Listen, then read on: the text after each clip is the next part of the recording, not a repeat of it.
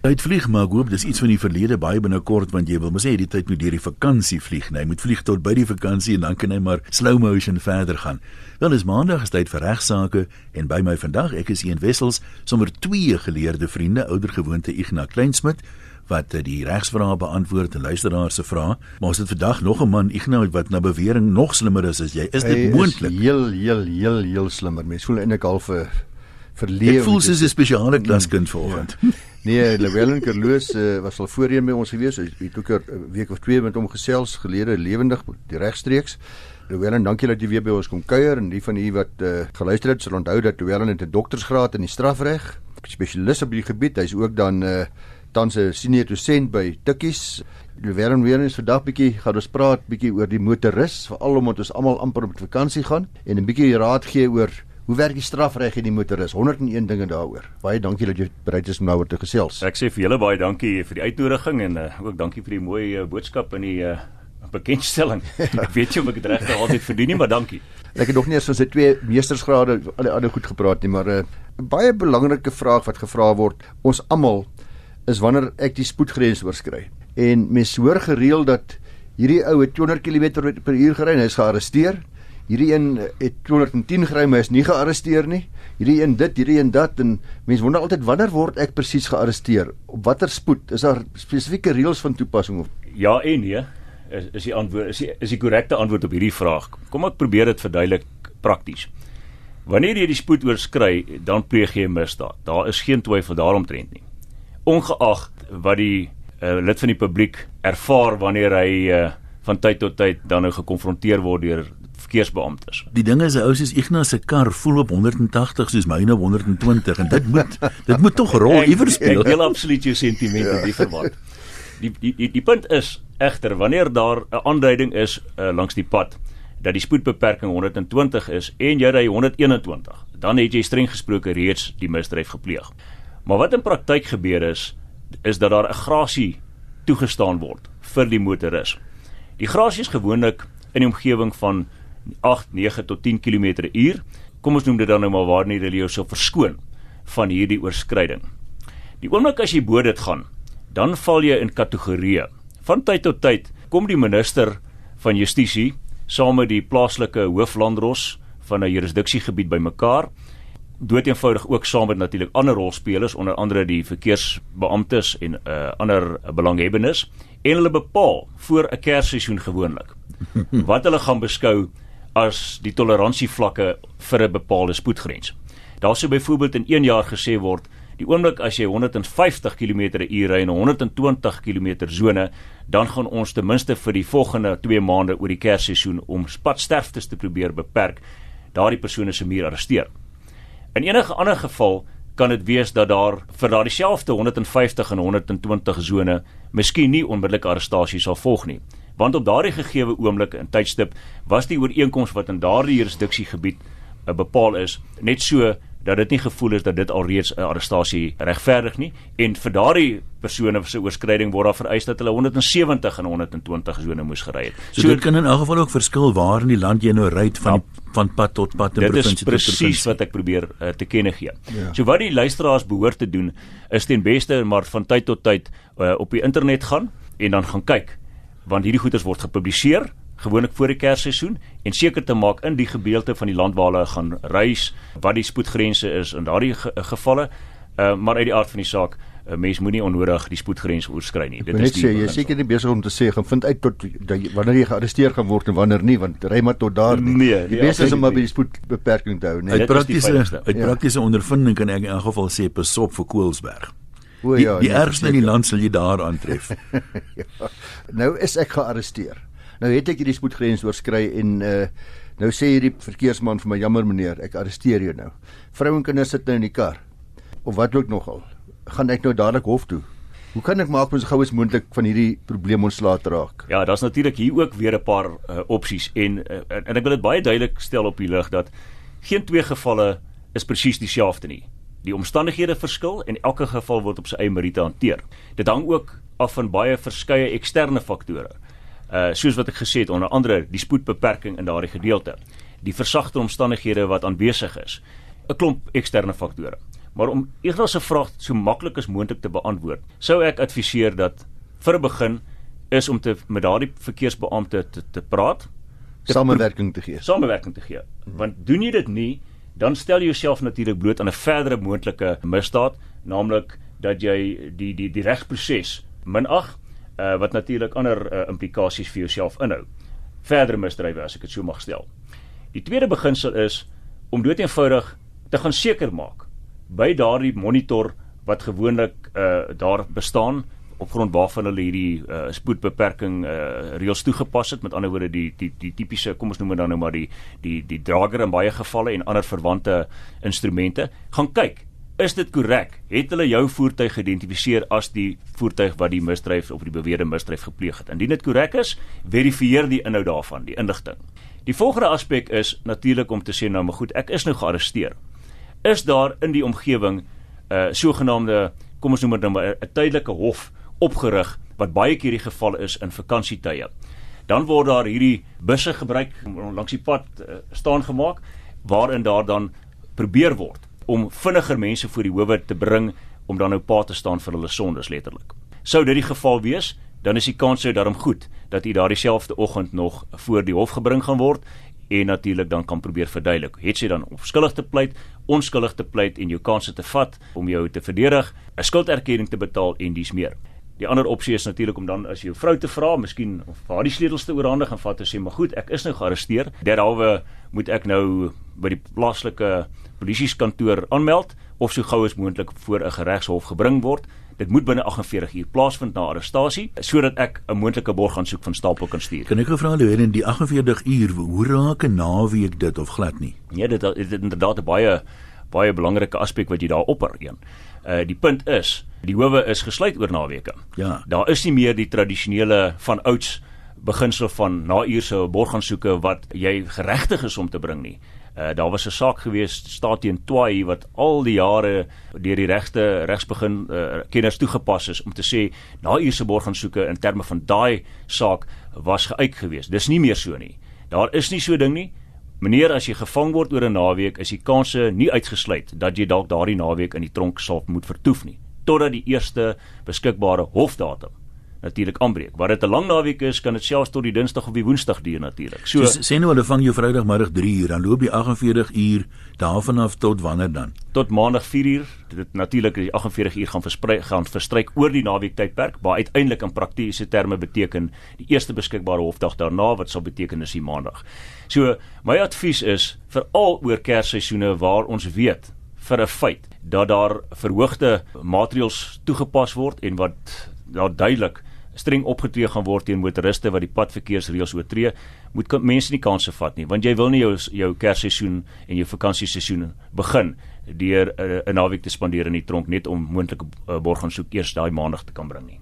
Kom ons gaan 'n bietjie stapie verder. Uh, wat is die motoriste regte met betrekking tot kamera spoedlokvalle? Ek het net 'n kamera gesien flits. Mm. Wat nou? Daar is weer eens weer 'n paar scenario's. Die mees voorliggendste een is die geval waar jy dan op 'n stadium 'n kaartjie deur die pos gaan kry. En as ek praat van kaartjie, dan is daar ook 'n paar variante op die tema weer ja. eens. En elke ene het in terme van die strafproses 'n ander uitkoms, het 'n ander implikasie. Die algemeenste ene wat voorkom is dat jy opgeroep word in 'n artikel 341 kennisgewing, praat ons van, om 'n hofverrigtinge of by te woon of jouself natuurlik af te koop van hierdie beweerde oortreding. Sou jy daardie boete betaal wanneer jy dit ontvang en op voorwaarde dis artikel 341 kennisgewing, dan kry jy nie 'n kriminele rekord nie en jy betaal dit doeteenvoudig en jy gaan aan met jou lewe. In baie ander gevalle stel dit miskien 'n dagvaring daar. Dan onderskei ons tussen artikel 54 dagvarings en artikel 56 kennisgewings. Die artikel 56 kennisgewings is die tipe skriftelike kennisgewing waarin jy opgeroep word om 'n hof by te woon. Dit is gewoonlik die een wat jy langs die pad kry wanneer 'n verkeersbeampte vir jou aftrek vir jou sê jy het een of ander die spoed oorskry. Hy skryf vir jou die verkeerskaartjie uit. Dis die boetekaartjie wat ons baie keer in in leuke taal ja. na verwys. Hy oorhandig dit aan jou. Daardie is 'n manier om jou voor hof te kry. Sou jy jou nie daarin steur nie. Ja dan is jy in minagting van die hof. En dieselfde effek is 'n dagvorm met persoonlik betekenis. Ja. En 'n lasbrief kan aan jou uitgereik word, want dit was persoonlik op jou beteken. Die een wat natuurlik deur die pos kom om terug te gaan na die vraag toe, daar is gewoonlik geen pertinente getuienis dat jy dit persoonlik ontvang het nie. En sou dit die geval was kan 'n lasbrief natuurlik nie vir jou uitgereik word nie. Maar wat baie keer in daai gevalle plaasvind is dat een of ander instansie wat natuurlik gefinansier word deur die regering, uh, stuur hierdie persone uit na jou huis toe om dan uh, daadwerklik 'n kennisgewing wat jou oproep om in die hof te verskyn op jou te beteken en van daardie oomblik af op voorwaarde dit is behoorlik beteken het dit natuurlik dieselfde implikasie as die ene wat ek vermeld het wanneer jy direk by die verkeersbaan Jy het nou die hele proses verduidelik in gevolge die strafproses wet maar daar's ook 'n 'n aardtoe proses wat in uh, Gauteng van toepassing is op 'n proefbasis wat 'n ja. bietjie anders werk. Ja, natuurlik in Johannesburg moet die meneer nou werk. in Johannesburg en Pretoria het ons die die lastige kom ons noem dit of die problematies is ja. miskien dalk 'n meer korrekte term 'n uh, aardtoe wetgewing wat toepassing vind. Dit is natuurlik uitgerol hier van 2007 af uh van stapel gestuur eers hier in Gauteng om later die hele land vol uh uitgerol te word in 'n poging om eers te kyk of ons dit hierso kan maak werk. Daar is baie hofsaake in die onlangse verlede wat gehandel het oor die aardtoe wetgewing waarvan die bekendste die onlangse Hudson saak was onder andere uh Fines for You hier in die Gauteng Noord uh, Hooggeregshof en die uitspraak wat daar gevolg het. En die ander was die Sherman saak wat ook baie bekend is. Sherman se saak natuurlik ook. Korrek. Die lang en die kort daarvan is wat gewoonlik gebeur is uh, jy kry die dokumente deur die pos waarin jy eers in kennis gestel word dat jy gewoonlik 32 dae kans kry om natuurlik uitvoering te gee aan daardie opdrag om te betaal. Doen jy dit nie, dan kry jy 'n verdere kennisgewing wat uh, waarin hmm. jy 'n verdere vergunning verleen word om natuurlik nou te betaal. Ek het in die rede val die eerste 32 dae brief is natuurlik belangrik as jy wil betaal om dan te betaal want jy kry 'n 50% afslag ja. gevolge aard. Ja ja, dit dit is so. Ja. Ehm uh, dit is nog voordat jy natuurlik ja, vertoog het self. Ja. Dan wat verder kan gebeur is sou jy nog steeds jou nie daarin steur nie, dan uh, kry jy die finale kom ons noem dit dan nou kennisgewing wat vir jou sê nou moet jy betaal meneer want as jy nie betaal nie dan gaan ons nie toelaat dat jy in die toekoms jou lisensie eh, hernie nie. En totdat jy dit natuurlik finaal betaal het nie. En in daardie geval geld dan nie hierdie afslag waarvan uh, Ignas sopas melding gemaak het nie. Dis natuurlik geskoei op buitelandse reg. Ons kan miskien op 'n later stadium daaroor meer breedvoerig praat. Julle sal onthou dat ek van tevore ook al melding gemaak het van die sogenaamde puntestelsel wat in die vooruitsig gestel word. Uh, dis geskoei op die Australiese bedeling waarin jy 'n maksimum punte dan verdien en in daardie uh, gevalle geld dit tot 14 punte en sou jy dan oorskry dan kry jy nie weer 'n bestuurslisensie nie en dis meer. So daar's baie dinge in die vooruitsig. Natuurlik finansies is die grootste oorweging waarom dit nog nie landwyd uitgerol is nie. As jy mens gaan kyk na die uh die probleme wat uitgewys is in daai Sherman saak waarna Ignas verwys het, dan is daar duidelik die probleem met die poskantoor want in terme van aardtoe wetgewing is daar 'n pertinente verpligting op die instansie gemoei daarmee om toe te sien dat dit of persoonlik beteken word of dan by wyse van geregistreerde pos en geen ander wyse van uh betekening is voldoende nie. Dit in vergelyking met die res van die land wat natuurlik net nog onder die gemeenregtelike wetgewing uh, uh, geld en in die strafproseswet toepassing vind waar natuurlik betekening op ander wyse ook kan plaasvind anders as dit wat genoem is in die RT wetgewing. So ja. wat ek probeer sê is hmm. weer eens elke geval moet apart en individualisties hanteer word. Dit een aspek wat belangrik is vir die luisteraars om te verstaan hier in uh, Johannesburg en in Swane is die feit dat as jy dan nou daai dokument deur die pos gekry het, geregistreerde pos, dan kry jy kennisgewing wanneer jy moet hom gaan afhaal. Hy lê daar vir jou wag. As jy hom nie afhaal by 'n sekere tyd en kan nie nou hoeveel dae nie, sien maar 14 dae of iets, dan sal hy geag word beteken te wees op jou. En dan is die groot probleem is waar die waar die nekslag toegedien word vir die motoris wat hom nou geïgnoreer het en niks daaraan gedoen het nie, is dat wanneer jy dan weer jou lisensie wil gaan hernie, jou motorvoertuigbestuurderslisensie of jou motorvoertuiglisensie, dan lê eers daai boete moet betaal voordat hy uitgereik word. En dit maak mense woedend. Dit maak hulle warm onder die krag. En daarmee saam natuurlik die rentekomponent wat bykom. Wat ek as 'n addisionele fooie en rente en koste sit bykom. Absoluut. Daar is natuurlik ook 'n moontlikheid dat daai kennisgewing gaan haal om by die poskantoor ook nie by jou beland nie ek meen dit ons posstelsel weet ons nou is nie baie betroubaar nie. Jou probleem gaan wees nou hulle moet my help. Dit jy's waarskynlik nie 100% reg. Maar nou gaan jy in 'n situasie sit, jy kom, jy gaan jou lisensie nou hê. Ja. Uh jy moet nou jou, jou voertuig nou lisensie kry vir die 30ste November of 30ste Desember of wat ek nog wat dit mag wees. Kom jy dan as jy jammer om jy kan nie. Nou wat moet jy nou doen? Die ja. proses wat jy moet deurgaan om daardie bevel tersyde gestel te kry of daai beperking op jou lisensie tersyde gestel. Jy sal 'n hofaansoek moet bring en dan moet jy gaan bewys dat jy hom nie gekry het nie of dat dit nie jy was nie of dat wat ek nog al die omstandighede mag wees. Hier gaan my kort en lank antwoord altyd vir kollegas en vriende en vir almal wat my vra is om te jouself die vraag af te vra is die kool die sous werd? En dit is maar selde. Daardie tyd en energie en kostes wat jy sal moet aangaan om dan nou maar aan aanstekens jou onskuld daar te stel is gewoonlik nie die die sous werd nie.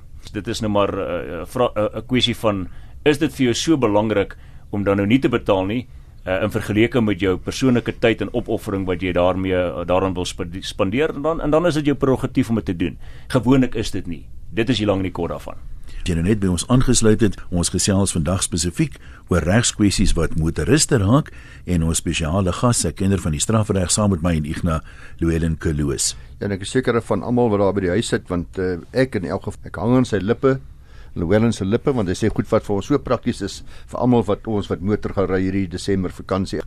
Uh padblokkades Louwelen. My voertuig se lig is nou skielik stikkend. Ry in die nag, net een lig brand of alternatiefelik ek het vergeet om my bande na te gaan en my e- bande is glad. En ek word afgetrek en my die man sê vir my jou voertuig is onpadwaardig meneer. Wat nou?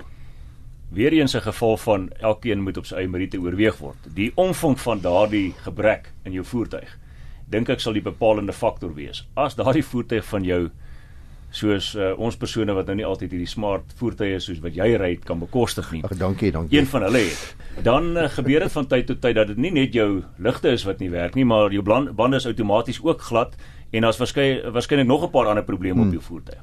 Nou sou daardie voertuig van jou so drasties en dramaties onpadwaardig wees dat dit letterlik 'n gevaar inhou vir ander padverbruikers, dan het die polisie natuurlik die die die mag en die reg om beslag te lê op daardie voertuig of te keer dat jy verder met hom bestuur ten minste.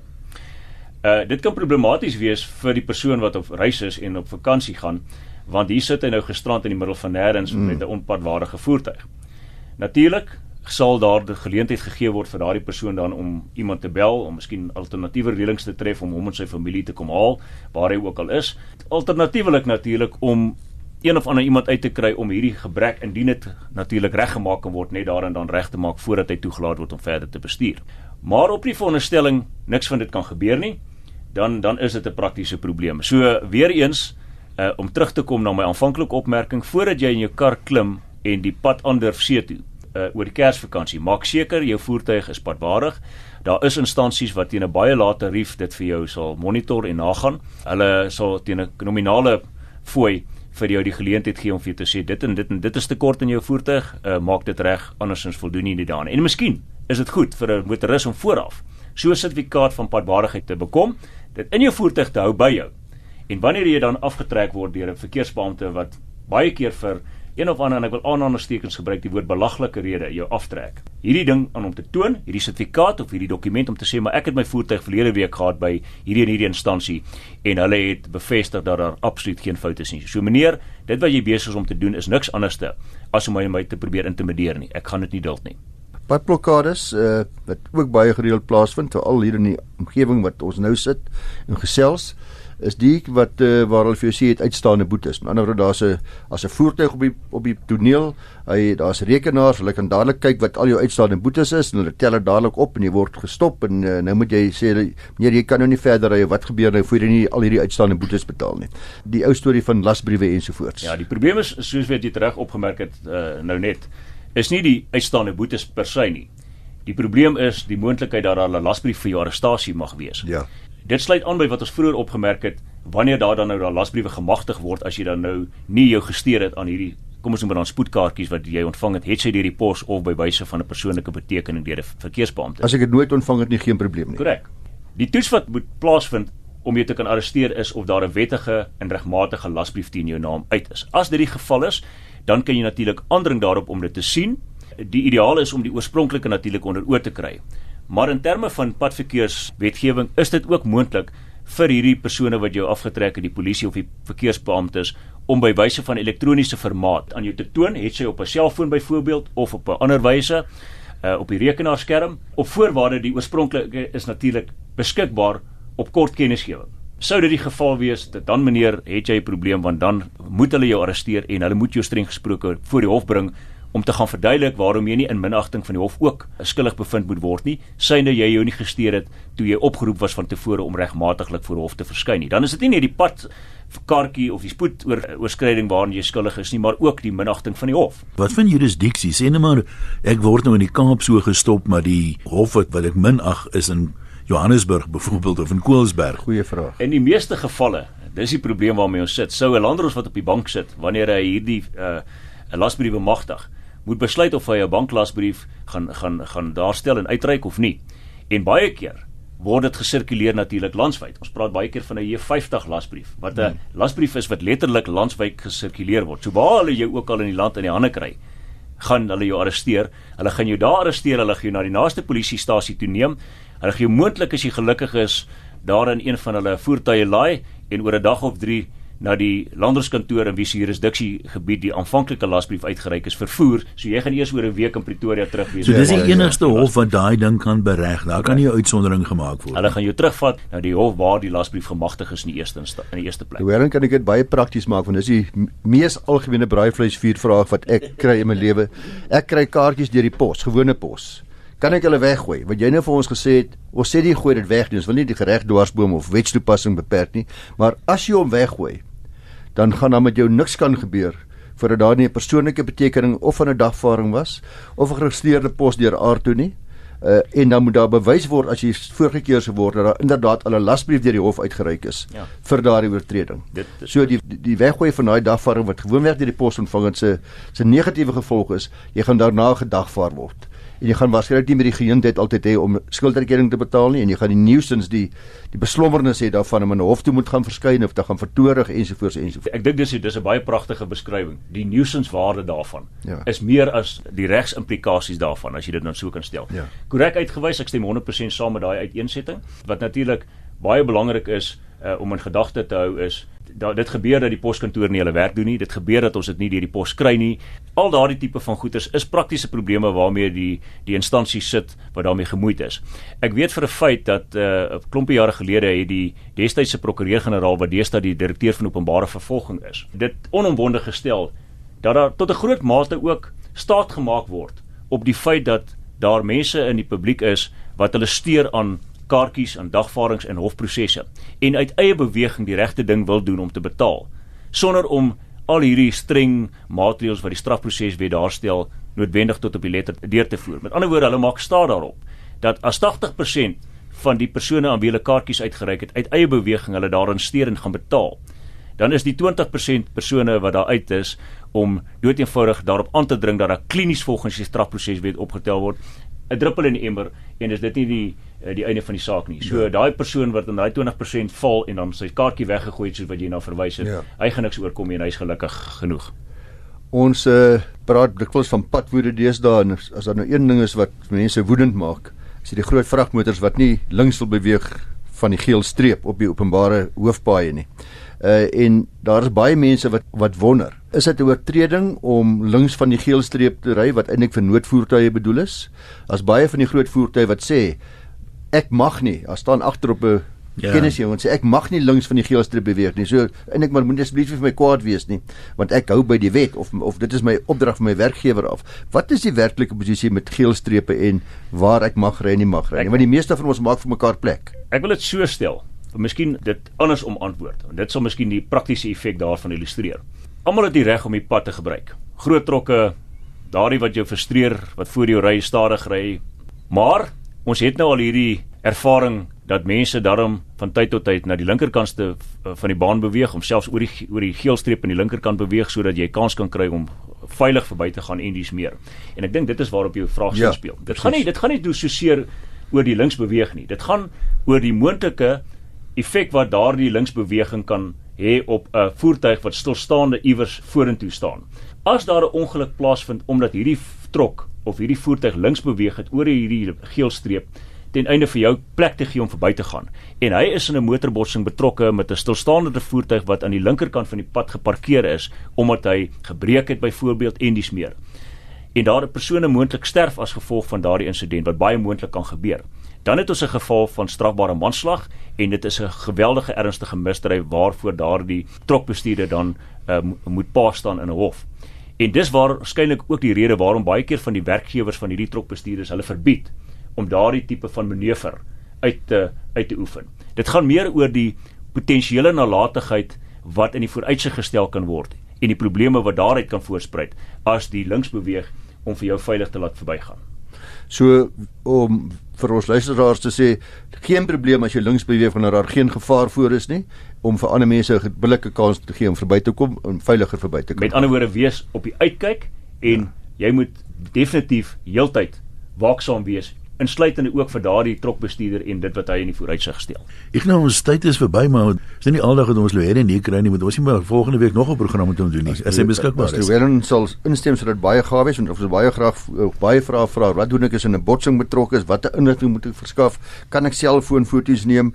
Uh, wat doen ek as 'n vermoede ander ou lyk vir 'n bietjie geswaai? Lyk vir my ons onder die invloed van alkohol? Dis al die goeie, sal jy bereid wees om 'n bietjie te kom gesels? Ek sien baie uit om volgende week weer met julle te gesels, ja. Dan maar dan maak ons so volgende maandag 11:30 op regsaake.